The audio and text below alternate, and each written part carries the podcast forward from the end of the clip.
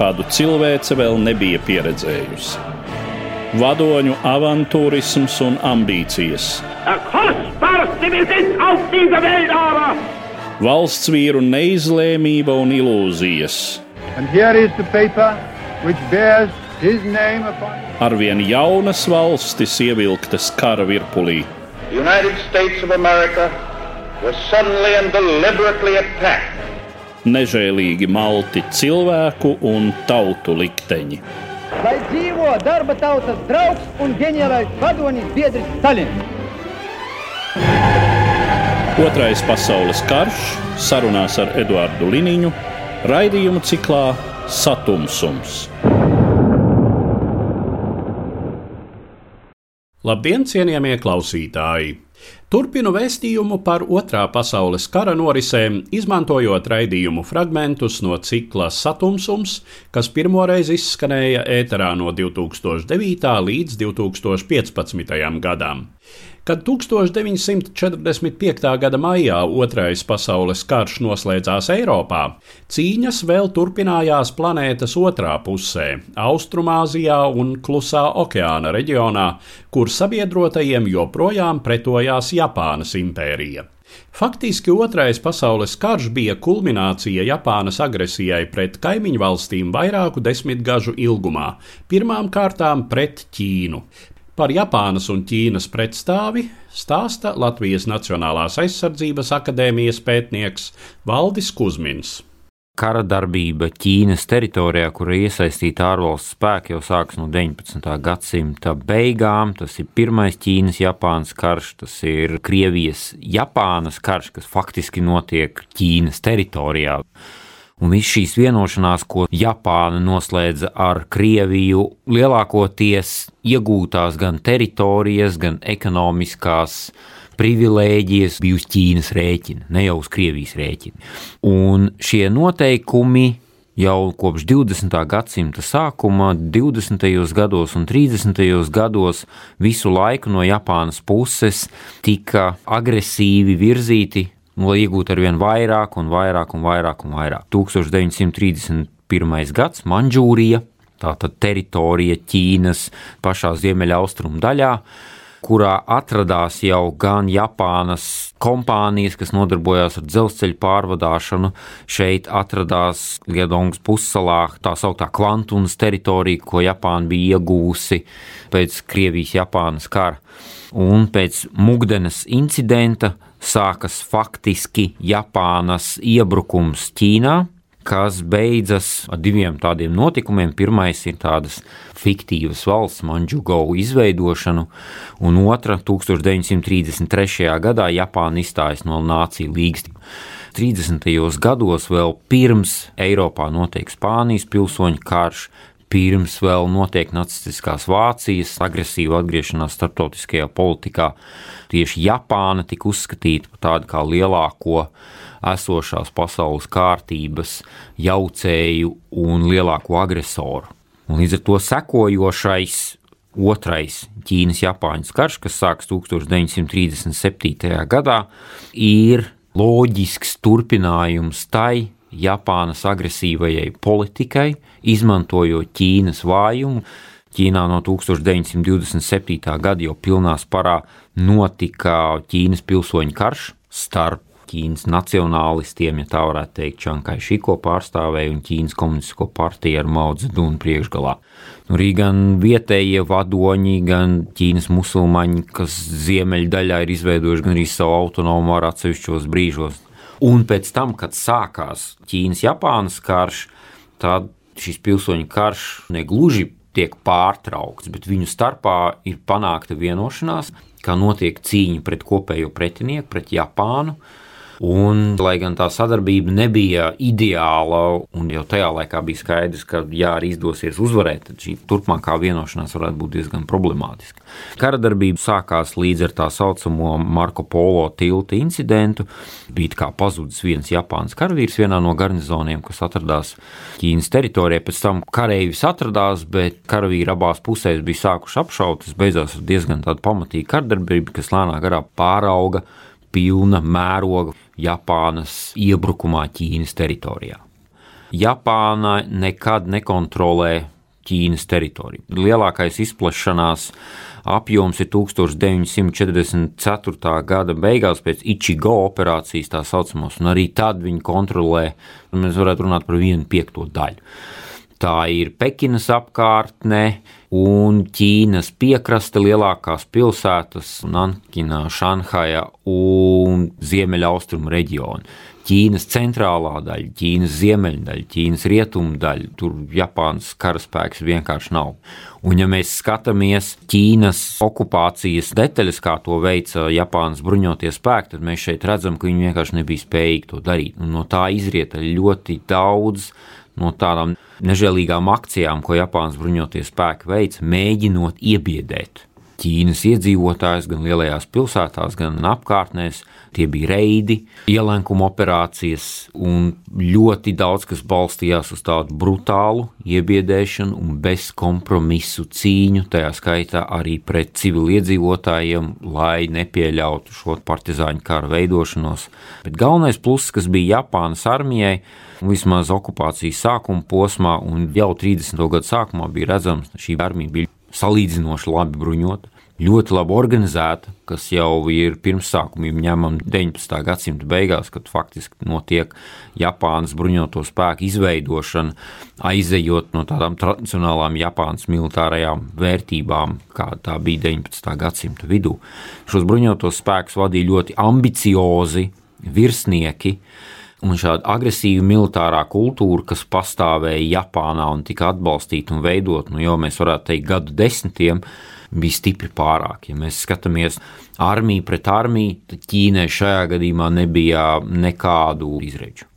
Šajā sākotnējā posmā, kad Ķīnas Republikas bruņotie spēki faktiski mēģina cīnīties regulārās kaujās, kauja par Šanhai 1937. gada beigās, un jo sevišķi kauja par Nankinu, kas bija Ķīnas Republikas galvaspilsēta 1937. gada decembrī un pēc tam 38. gada sākumā. Un šie mēģinājumi pretoties regulāriem līdzekļiem ir redzami nesekmīgi, sāk parādīties gan pilsoniskā pretošanās, gan civiliedzīvotāju pretošanās, gan partizāņu kara elementi, izraisa Japānas bruņoto spēku, varētu teikt, hrestomātisku nežēlību pret civiliedzīvotājiem. Tas sauktais Nankinas slaktiņš, kas turpinājās vismaz sešas nedēļas 1938. gada sākumā. Un tas bija viens no iemesliem, kas izraisīja tādu ļoti izteiktu pretestību rietumu sabiedrībā, gan ASV, gan arī Eiropā to uzskatīja par nepieņemumu un pat komandieri, kas īstenoja šo Nankinas nomierināšanu, ja tā varētu teikt, kā viņi to uzskatīja, pēc tam atzina, ka karavīri ir izdarījuši ļoti daudz sliktu lietu. Bija gan izvarošanas, gan cilvēku slepkavošanas, gan arī demonstratīvas slepkavošanas, un ļoti daudz, kas pat savā ziņā otrā pasaules kara kontekstā būtu nepieņemams, un ko Japānas bruņotie spēki citās, vai tā būtu Birma, Indonēzija, Filipīnas, šādā mērogā noziegums pret civiliedzīvotājiem neveica. Līdz ar to rietumu sabiedrotie gan oficiāli, gan neoficiāli mēģināja gan palīdzēt, gan iesaistīties šeit, gan bruņojuma piegādi. Gan, ja mēs runājam par tādu sākotnējo ASV palīdzību, tā ir pirmā ASV brīvprātīgo aviācijas grupa, tā sauktie lidojošie tīģeri, kuriem tiek piegādātas 40. gadu sākumam ļoti modernas lidmašīnas, ar kuriem amerikāņu brīvprātīgie piloti piedalās kara darbībā pret Japānas bruņotajiem spēkiem vēl pirms oficiālās kara darbības starp Japānu un ASV. Šie piloti skaitījās formā, viņi skaitījās kā Ķīnas bruņoto spēku karavīri. Un šī palīdzība bija diezgan izteikta, sevišķi ņemot vērā, kādā stāvoklī bija Ķīnas aviācijas spēks. Lidoja ļoti novecojušām lidmašīnām un nebija spējīgi efektīvi pretoties Japāņu aviācijai. Šeit mums arī jāatcerās, ka kopš 1938. gada Padomju Savienība atrodas, ja ne gluži oficiālā kara stāvoklī ar Japānu, tad ir iesaistīta tādā pusoficiālā kara darbībā. 1938. gadā ir tā saucamais Hasanezera konflikts. Krievijas tālajos austrumos, Habārovskas apgabalā. Un, protams, visslavenākais militārais konflikts ir 1939. gada augustā, kaujas pie Halhingolas upes, iekšējās Mongolijas teritorijā, kur mēs runājam par desmitiem tūkstošu karavīru, kas ir iesaistīti šajā kara darbībā. Padomju Savienības interese bija drīzāk mēģinājumi ierobežot un mēģinājumi cīnīties ar galveno ienaidnieku, tas ir Japāna. Kara darbība Ķīnā vienmēr tiek uzskatīta kā trešā šķiras, jeb otrā šķiras fronte. Cik mēs šeit esam runājuši par kara darbību Klusā okeāna reģionā, tad vienmēr tas ir ASV. Numur viens, kas ir plaši zināms, ir aprakstīts, ir uzbrukums Pēlhārboram, visas šīs jūras kaujas, kas notiek visā salu reģionā.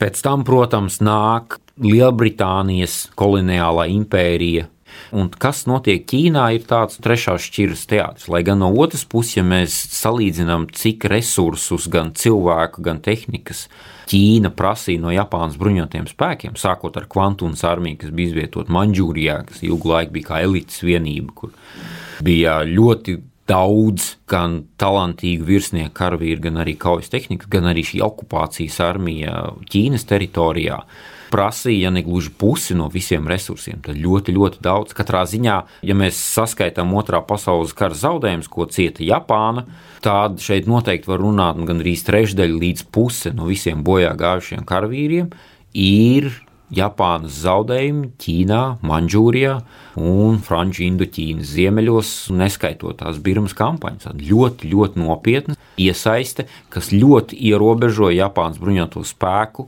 darbību Klusā okeāna salās. Un vienā brīdī, 1943. un 1944. gadā, kad bija ļoti kritiska situācija uz Indijas robežas. Tas bija viens no pēdējiem Japānas bruņoto spēku lielākiem uzbrukumiem. Viens no iemesliem, kas pilnā mērā neļāva izmantot sākotnējos panākumus, bija Ķīnas armijas iebrukums Birmas ziemeļos, kas novirzīja ļoti lielus resursus no galvenā uzbrukuma virziena.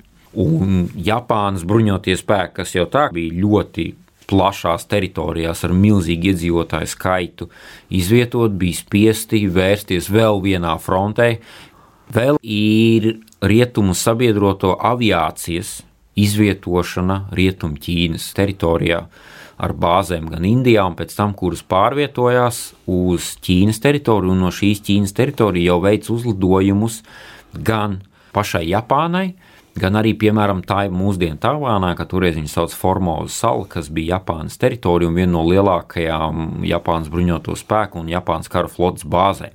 Uzlidojumi tika veikti no Ķīnas teritorijas un izmantojot Ķīnas teritoriju kā bāzi, no kurienes lidojumi. Tas bija arī viens no iemesliem otrajam lielajam Japānas bruņoto spēku uzbrukumam Ķīnas austrumu daļā, lai atvirzītu lidlaukus pēc iespējas tālāk un neļautu izmantot Ķīnas teritoriju kā tādu izējas punktu gaisa uzlidojumiem. Galu galā 1945. gada pavasarī Japānas sakāve kļuva acīm redzama. Tomēr tā varēja prasīt vēl simtus tūkstošu, varbūt pat miljonus dzīvību. Kapitulāciju panāca divu Japānas pilsētu, Hirosimas un Nagasaki, atombombardēšana, kā arī Padomju Savienības iesaistīšanās karā pret Japānu. Turpina Valdis Kusmins. Šajā gadījumā droši vien būtu nedaudz jāpiet atpakaļ līdz 1944. gada pavasarim, kur viņi gandrīz sasniedz Austrālijas ziemeļu daļu, atradās uz Indijas robežas, atradās Manžūrijā, atradās Ķīnā. 1944. gada aprīlī sāka lielu uzbrukumu vēl Ķīnā un sāka uzbrukumu Birmā 44. gada martā. Jūnijā. 44. gada vasarā notiek vairāki būtiski pagriezieni. Pirmkārt, tās ir neveiksmes Ķīnā. Japāna mēģina ieņemt Ķīnas dienvidu austrumu reģionus, kur atrodas ASV lidlauki, no kuras lido lidmašīnas, kas bombardē Japānas teritoriju. Neveiksmīgi, lai gan formāli jā, viņam teritoriju izdodas ieņemt, bet Ķīna ir tik liela, tur dzīvo tik daudz iedzīvotāju, viņa attieksme pret Japāņiem ir tik skaidra, ka šie panākumi ir drīzāk ļoti relatīvi, pirra uzvara, ja tā varētu teikt. Japāna cieši sakāvi uz Indijas robežas un sākas Britu un Indijas armijas kopā ar Ķīnas armiju uzbrukums Birmā, kas spiež Japānu atpakaļ. Un galvenie notikumi izvēršas ASV uzbrukums, kas notiek gan Filipīnās, tātad 1944. gada jūnijas, kur sākas ar izsēšanos Leites salā. Kaujas Filipīnā turpinās līdz pat 15. augustam 1945. gadā, kad Japāna kapitulē.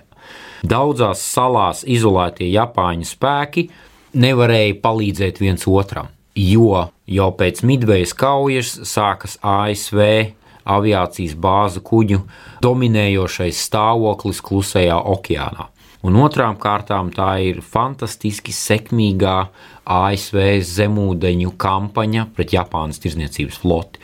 Tas, ko Dēnits, Vācijas kara flotes komandieris, teorētiski domāja un mēģināja īstenot Atlantijas okeānā, to amerikāņi perfekti īstenoja Klusajā okeānā un faktiski iznīcināja Japānas gan kara flotes, gan tirzniecības flotes spējas apgādāt, atbalstīt vai evakuēt savus spēkus šajās daudzajās salās. Līdz ar to ASV amfībiju spēkiem, gan jūras kainiekiem, gan arī sauszemes spēkiem izdevās izvēlēties, teiksim, vienās salās iebruksim, citās salās neiebruksim. Un vēl 15. augustā kara darbības beigās bija desmitiem un simtiem salu, kur atradās Japāņu karaspēks kuram neviens neuzbruka un kur arī nevarēja palīdzēt tām salām, kurām šie uzbrukumi notika. Pēdējā lielā jūras kauja Leites līcī, kas tāds nosacīts leites līcis. Īstenībā jau bija kauja ne gluži pa pusfilipīnu jūru, bet nu, milzīgā teritorijā. Japānas kara flotes mēģinājums izcīnīt uzvaru uz jūras. Pēc tam ir skaidrs, ka tā ir tikai tāda mēģinājuma atkāpties ar vien tālāk un tālāk un tālāk. Nākamais būtiskais notikums ir pirmās desanta operācijas salās, kuras tiek uzskatītas par Japāņu salām ja Saipāna, Filipīnas, tur bija vietējie iedzīvotāji, kas atbalstīja amerikāņus, viņi bija partizāņi, kas cīnījās pret Japāņiem. Tad salas, kurās iedzīvotāji nosacīti formāli bija uzskatāmi par Japānas pilsoņiem, cik viņi atbalstīja, tas drusku cits jautājums. Pirmkārt ir Ivo Džima, 1945. gada februāris, maza vulkāniska sala. Ivoģima bija pirmā sala, kur ASV jūras kājnieki faktiski cieta lielākus zaudējumus nekā viņi spēja nodarīt zaudējumus Japāņiem, kritušo un ievainoto skaita ziņā. 18,000 bojā gājušo Japāņu, vairāk nekā 20,000 kritušo, bezvēs pazudušo un ievainoto ASV jūras kājnieku, kas savā ziņā priekš viņiem bija diezgan šokējoši. Līdz tam šīs salas tika ieņemtas salīdzinoši vienkārši. Ivoģimā ģenerāla, kuri Bajašī vadībā bija īstenot aizsardzības taktika, kas parādīja, ka arī Japāņi ir spējīgi karot. Un nākamā lielākā sala, kur ASV bruņotie spēki cieta vislielākos zaudējumus, bija Okinava. 1945. gada 26. marts līdz 22. jūnijam sala bija stipri lielāka nekā Ivo Džim, kas ir vienkārši 20 km2. Okinava jau liela teritorija, kur kopumā ASV bruņotie spēki cieta 20 tūkstošus kritušos un tas kopējais zaudējumu skaits tuvojās līdz 100 tūkstošiem, un vairāk desmit tūkstoši cieta no psiholoģiskā sabrukuma, nespējot izturēt šīs kara darbības asiņaino dabu. Okinava arī bija pirmās kaujas, kur parādījās Japāņu kamikadzes. Pirmoreiz to izmantojas jau Leitas līcī, pašnāvnieku uzbrukumu, tātad lidmašīnas pielādētas ar bumbu un degvielu tikai vienā virzienā, apzināti ietriecas pēc dažādiem aprēķiniem apmēram 20 līdz 25% kara darbībā pie Okinavas apkārtnē iesaistīto kuģu vairāk vai mazāk cieta. Brīdī, kad kara darbība Okinavā beidzās, tas ir 45. gada jūnija vidus, Japānas bruņotie spēki ir pametuši Birmu, atradās tajā vietā, kas tagad ir Vietnama, toreiz to pazina kā Indoķīna, Malaizijā, Singapūrā, Hongkongā, Taivānā, Borneo salā. Šis apjoms, kur atradās teritoriālā ziņā, Japānas bruņotie spēki bija ļoti liels. Taču galvenais zaudējums bija tieši Ivo Džima Okinava, kas ļāva ASV nokļūt tuva trieciena attālumā līdz, nu, sauksim to par Japānas cienzemi. Viedoklis, kā varētu pabeigt karu pēc tam, kad Japāna jau pēc nacistiskās Vācijas bezieru un kapitulācijas vēl aizvien atteicās kapitulēt bez ierunām bija diezgan plaši diskutēti. Tas, kas attiecās uz ASV bruņoto spēku vadību, tā bija operācija, kas saucās Domfall. Tātad desanta operācija ar mērķi izsēsties šajās galvenajās Japāņu salās. Operācija Olimpija ar mērķi izsēsties Kyusju salā, tā ir vis tālāk uz dienvidiem, un pēc tam jau nākamā būtu izsēšanās jau Tokio apkārtnē, Kato līdzenumā ar mērķi ieņemt Tokiju, un tas bija 1948. gada agras pavasaris.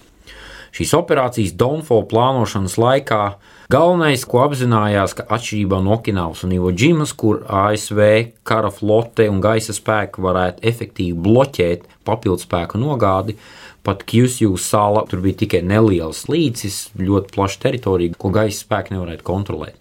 Un galvenais iemesls, ar ko viņi rēķinājās, bija, ka Japānas pamatsalās atradās divi ar pus miljoni lielu sauszemes spēki bruņojuma ziņā viņi bija stipri vājāki nekā ASV varēja likt priekšā.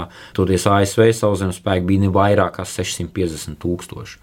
Tas bija pamatīgs pārspēks. Ja mēs skatāmies Ivo Džimu, Okinavu, arī Filipīnas salas, tad vienmēr amerikāņiem bija pārsvars. Viņi bija spējīgi konkrēti relatīvi mazas saliņas desmit operācijās panākt uguns un dzīvā spēka pārsvaru konkrētā vietā, konkrētā laikā un ar salīdzinoši nelieliem zaudējumiem šīs salas ieņemt.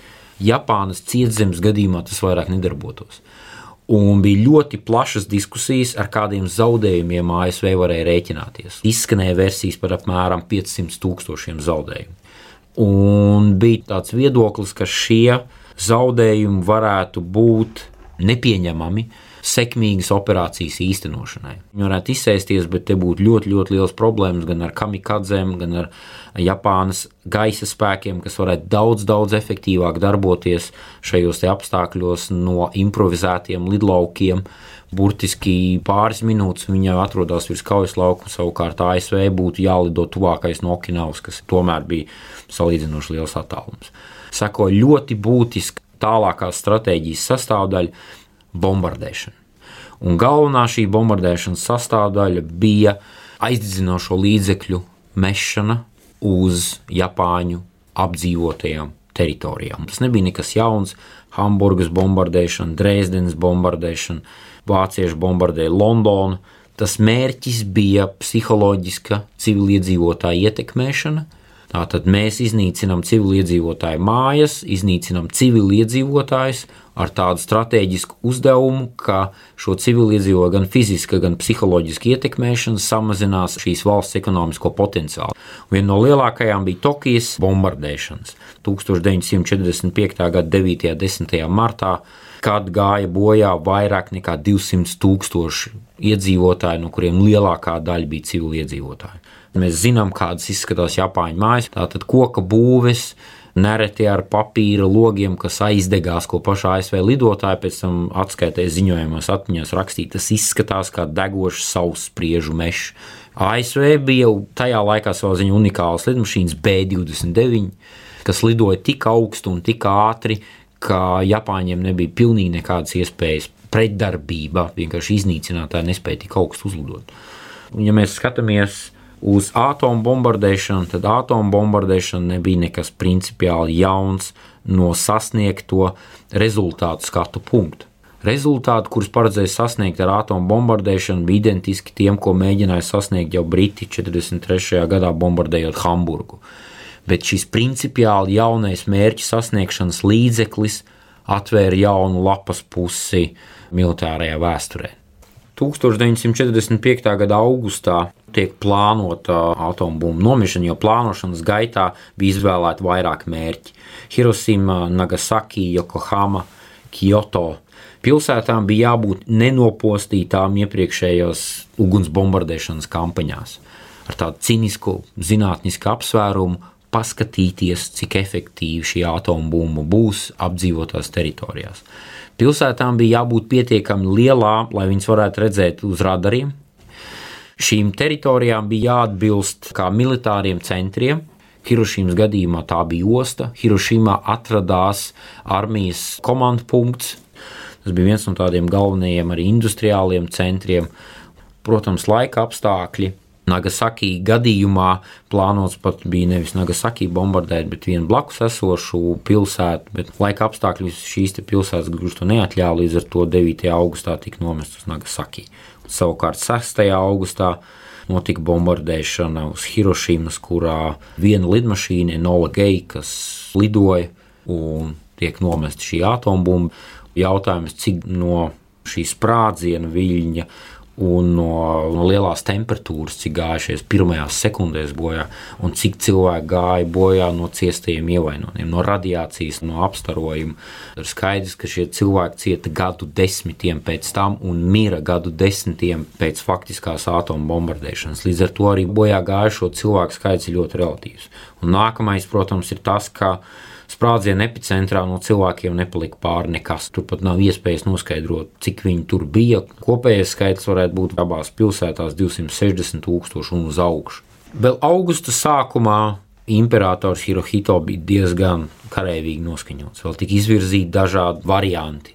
Ir divi argumenti, kas, protams, veicināja lēmumu pieņemšanu, ka Japānai ir jākapitulē. Pirmais bija noteikti atomu bombardēšana, un otrais ir PSRS iesaistīšanās kara darbībā pret Japānu. Formāli PSRS pieteica karu 8. augustā, taču faktiski kara darbība sākās bez kara pieteikšanas, jo tā sauktā Manžūrijas operācija sākās 9. augustā, bet laika starpības starp Japānu un Maskavu nozīmē, ka brīdī, kad it kā 8. augustā tika pieteikts karš Japānai, 9. augusts jau bija iestājies Manžūrijā un kara darbība jau bija pilnā sparā. Tas parādīja, ko Padomju Savienības bruņotie spēki teiksim, ir iemācījušies Otrā pasaules kara laikā, karojot ar nacistisko Vāciju.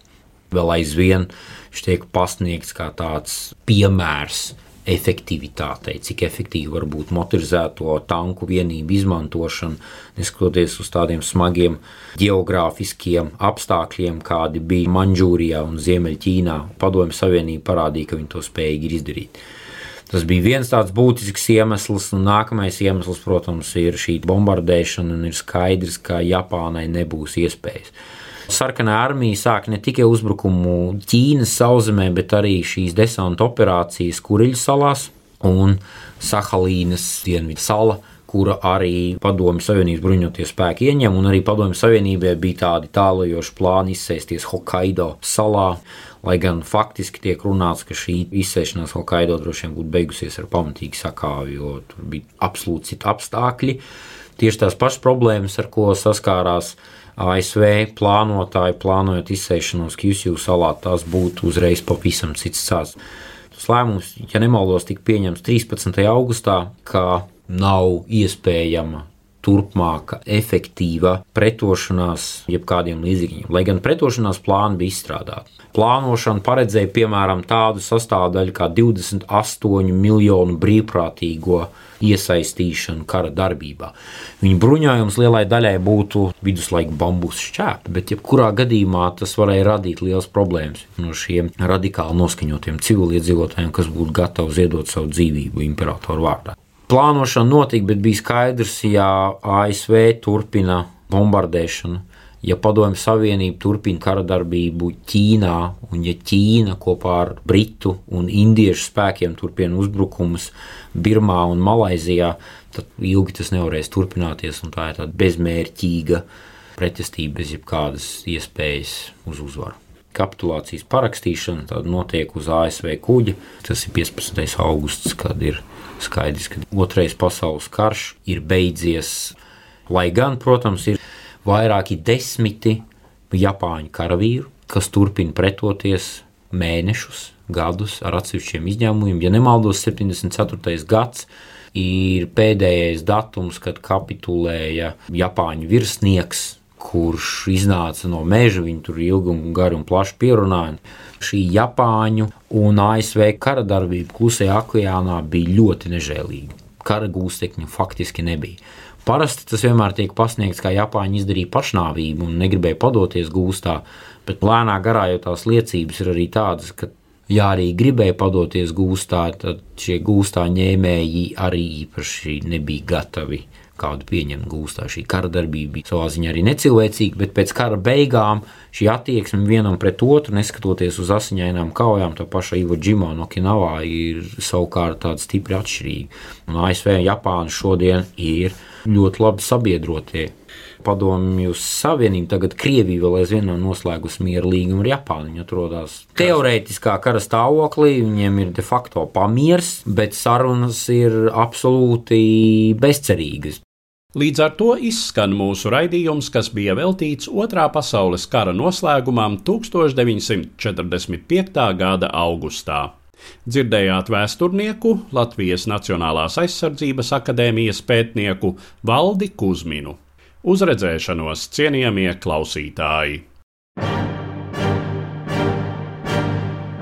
Raidījumā šīs dienas acīm cikls Satumsums - sarunas par Otro pasaules karu.